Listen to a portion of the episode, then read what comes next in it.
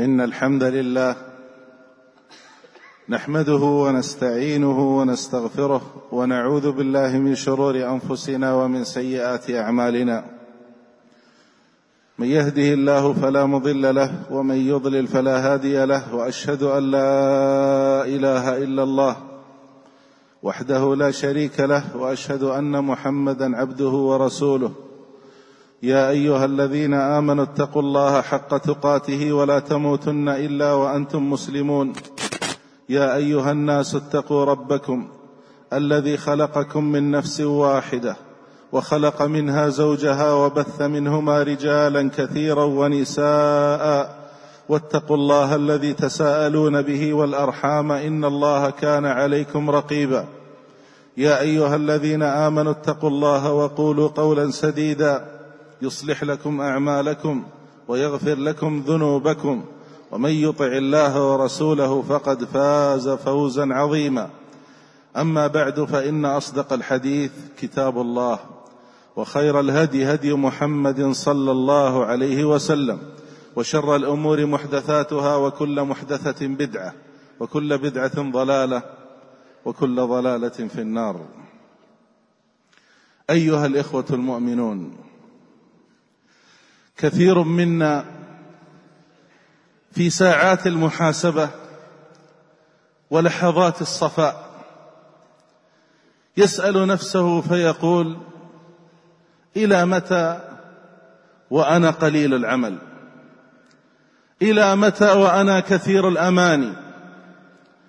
الأجل يقترب وفي كل يوم يمضي من حياتنا يقربنا إلى الآخرة. وفي كل عام يمضي نقدم على الله ونكون أقرب إلى لقاء الله جل وعلا. إذا جلس بعضنا مع بعض سأل أحدنا صاحبه إني أشعر بكذا وأشعر بتقصير وأشعر ويجيبه صاحبه بمثل ذلك. ثم يتفق الجميع على إن الدنيا مشغلة وأنه لا خيار لنا إلا أن نتوب إلى الله ونسارع إلى العمل الصالح. كلام أماني. إننا أيها الإخوة الكرام بحاجة إلى أن نبادر فنعلم الأسباب الكبيرة التي تجعلنا قريبين من الله. حتى لو وقعنا في ذنب أو خطأ فإننا لا نبتعد. هناك أسباب كبيرة. أشبه ما تكون بالطرق التي توصل إلى النجاة وهناك طرق صغرى. نحن نريد أيها الإخوة هذه الطرق الكبيرة. على سبيل المثال الصحبة. الذي ليس عنده صاحب صالح كيف يعرف الخير؟ الذي له صحبة سيئة كيف كيف يدلونه على خير؟ وهكذا. ومن أعظم الأسباب أيها الإخوة التي تعين الإنسان على مجاهدة نفسه وعلى القرب من كل خير. ما جاء عن النبي صلى الله عليه وسلم في الحديث الصحيح ويعرفه كثير منا. قد ثبت عن النبي صلى الله عليه وسلم أنه قال ألا أدلكم على ما يمحو الله به الخطايا ويرفع الدرجات؟ قالوا بلى يا رسول الله. قال إسباغ الوضوء على المكاره وكثرة الخطى إلى المساجد وانتظار الصلاة بعد الصلاة فذلكم الرباط فذلكم الرباط فذلكم الرباط. الله أكبر. من السنن العظيمة يا عباد الله التي هجرها كثير من المسلمين سنة التبكير في الذهاب إلى المسجد.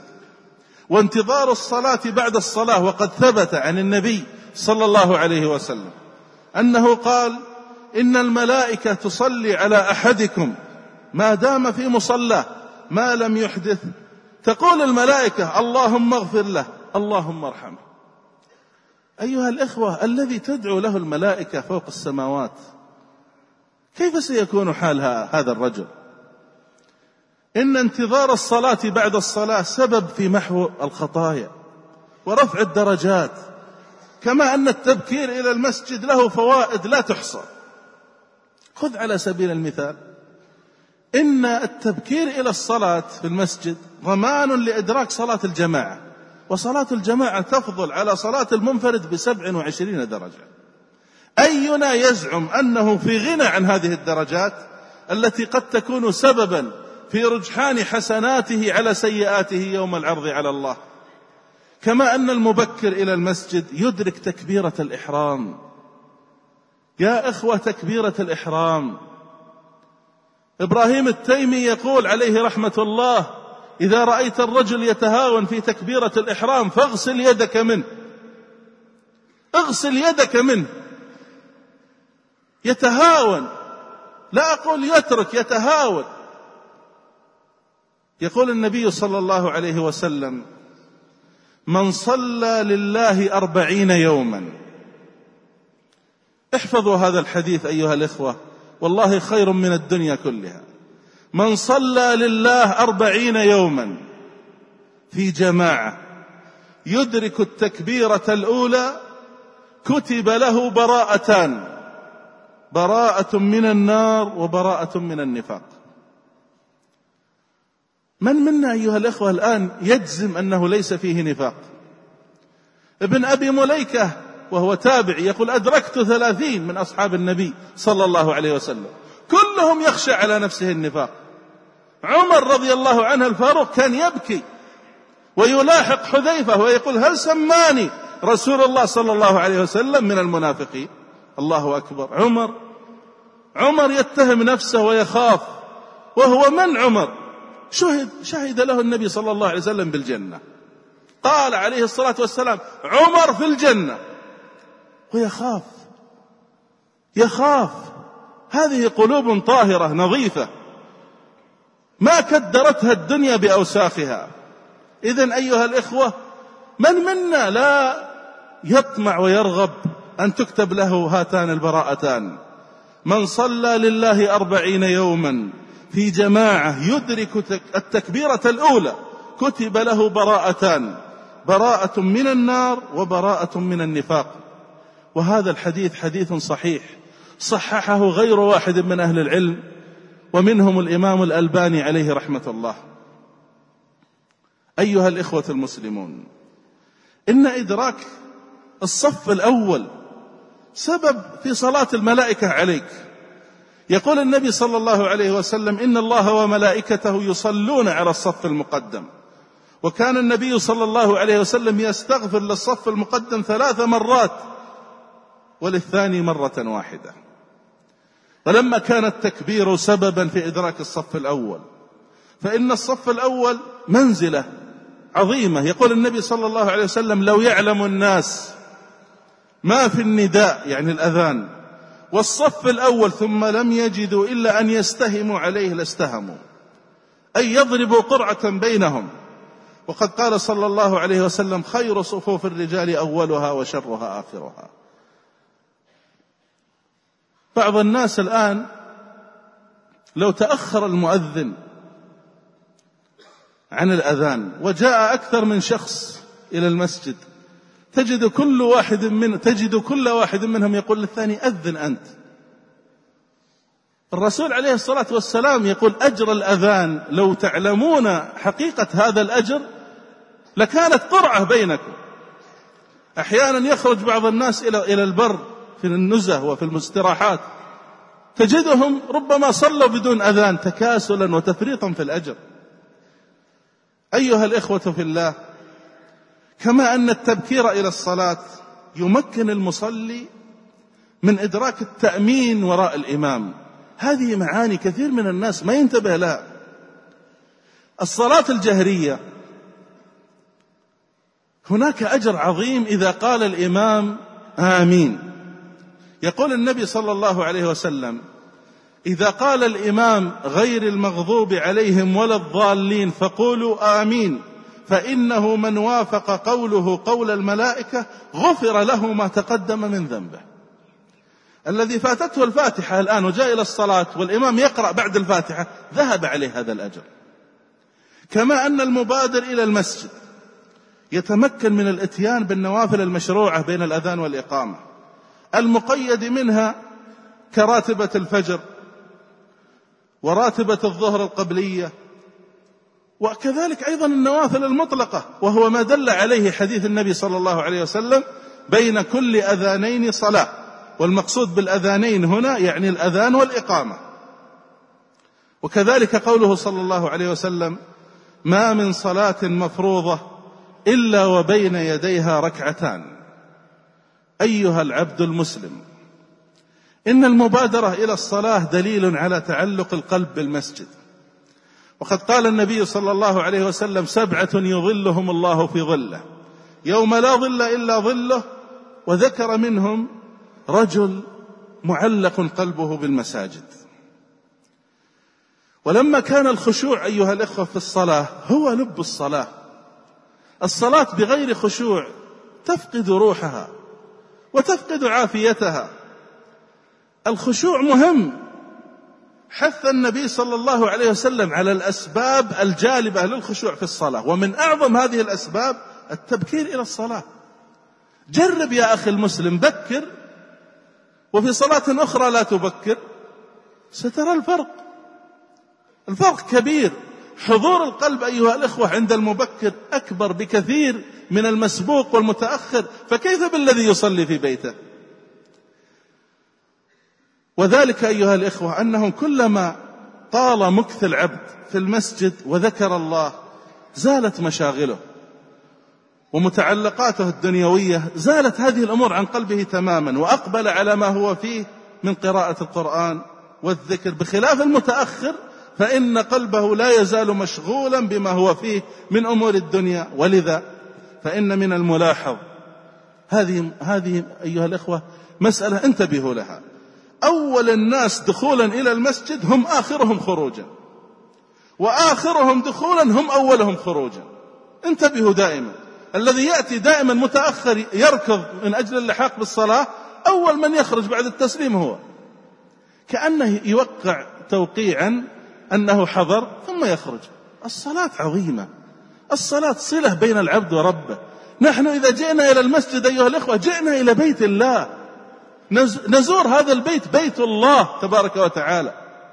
ونتصل في هذا المسجد بمن؟ نتصل بالله. هذه المعاني العظيمة أيها الإخوة لا تفوتنا. فيفوتنا معها أجور عظيمة. أسأل الله تعالى بمنه وكرمه أن يجعلنا من السابقين إلى الخيرات. إنه جواد كريم وصلى الله وسلم على نبينا محمد وعلى آله وأصحابه أجمعين.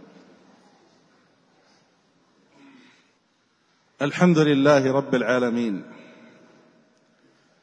وأشهد أن لا إله إلا الله وحده لا شريك له.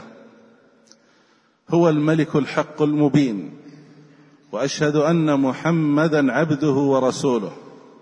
أرسله الله رحمة للعالمين. فصلوات ربي وسلامه عليه وعلى آله وأصحابه أجمعين ومن تبعهم بإحسان إلى يوم الدين. أما بعد فيا أيها الإخوة الكرام من فوائد التبكير إلى الصلاة أن المبكر يتمكن من قراءة القرآن بين الأذان والإقامة. بعض الناس الآن دائما يأتي بعد تكبيرة الإحرام وفي أحسن أحواله يأتي مع التكبيرة. سؤال متى يقرأ القرآن؟ هل مثل هذا عنده وقت مخصص في البيت يقرأ فيه القرآن؟ في الغالب لا أكثر الناس يقرؤون القرآن في المسجد. ونادرا ما تجد رجلا نادرا موجود لكن نادر أن تجد رجلا له ورد يقرأه كل يوم في بيته مع الأسف الشديد. حتى بعض الصالحين ومن يشار إليهم بالبنان والله أمر مؤسف. والله يا أخوة أمر مؤسف أمر مؤسف. الجريدة والصحيفة في المجلس وفي الصالة وفي غرفة النوم والمصحف. المصحف أين المصحف؟ يجب أن يكون المصحف عند رأسك في غرفة النوم وفي غرفة جلوسك أمامك. هذا كتاب الله سبحانه وتعالى. هذا هو مصدر الخير والنور. إننا أيها الإخوة إننا أيها الإخوة نجد أمراضا عظيمة تستشري بيننا وليس هناك من يقول إنها خطأ إنها مرض. بعض الناس يعتقد أن الاستقامة هي في أمور شكلية كلحية ونحوها. اللحية من السنة وأمر بها النبي صلى الله عليه وسلم وهي من هدي الأنبياء. لكن هناك أمور عظيمة أيضا مهمة جدا. كيف يكون الإنسان يعد نفسه من الصالحين ويمر عليه الأيام والأسابيع ما يقرأ في المصحف ولا يحفظ من القرآن إلا شيئا يسيرا. كتاب الله كلام رب العالمين. من فوائد التبكير أيها الإخوة؟ أنه يمكن المبكر من قراءة القرآن بين الأذان والإقامة. والله يا أخوة بعض الناس المصاحف عليها غبار في بيوتهم ينظفون هذا الغبار في رمضان فقط. سبحان الله العظيم. وكذلك أيها الإخوة فإن المبكر إلى الصلاة يتمكن من الدعاء بين الأذان والإقامة. يقول المصطفى صلى الله عليه وسلم لا يرد الدعاء بين الأذان والإقامة.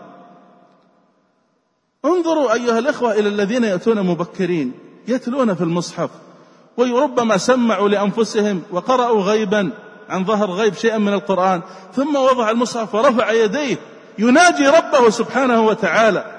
هذه المعاني العظيمة لماذا نفرط فيها؟ التبكير أيها الإخوة طريق كبير إلى كل خير. كما أنه في الغالب من يأتي الصلاة مبكرا يأتي إلى الصلاة بسكينة ووقار.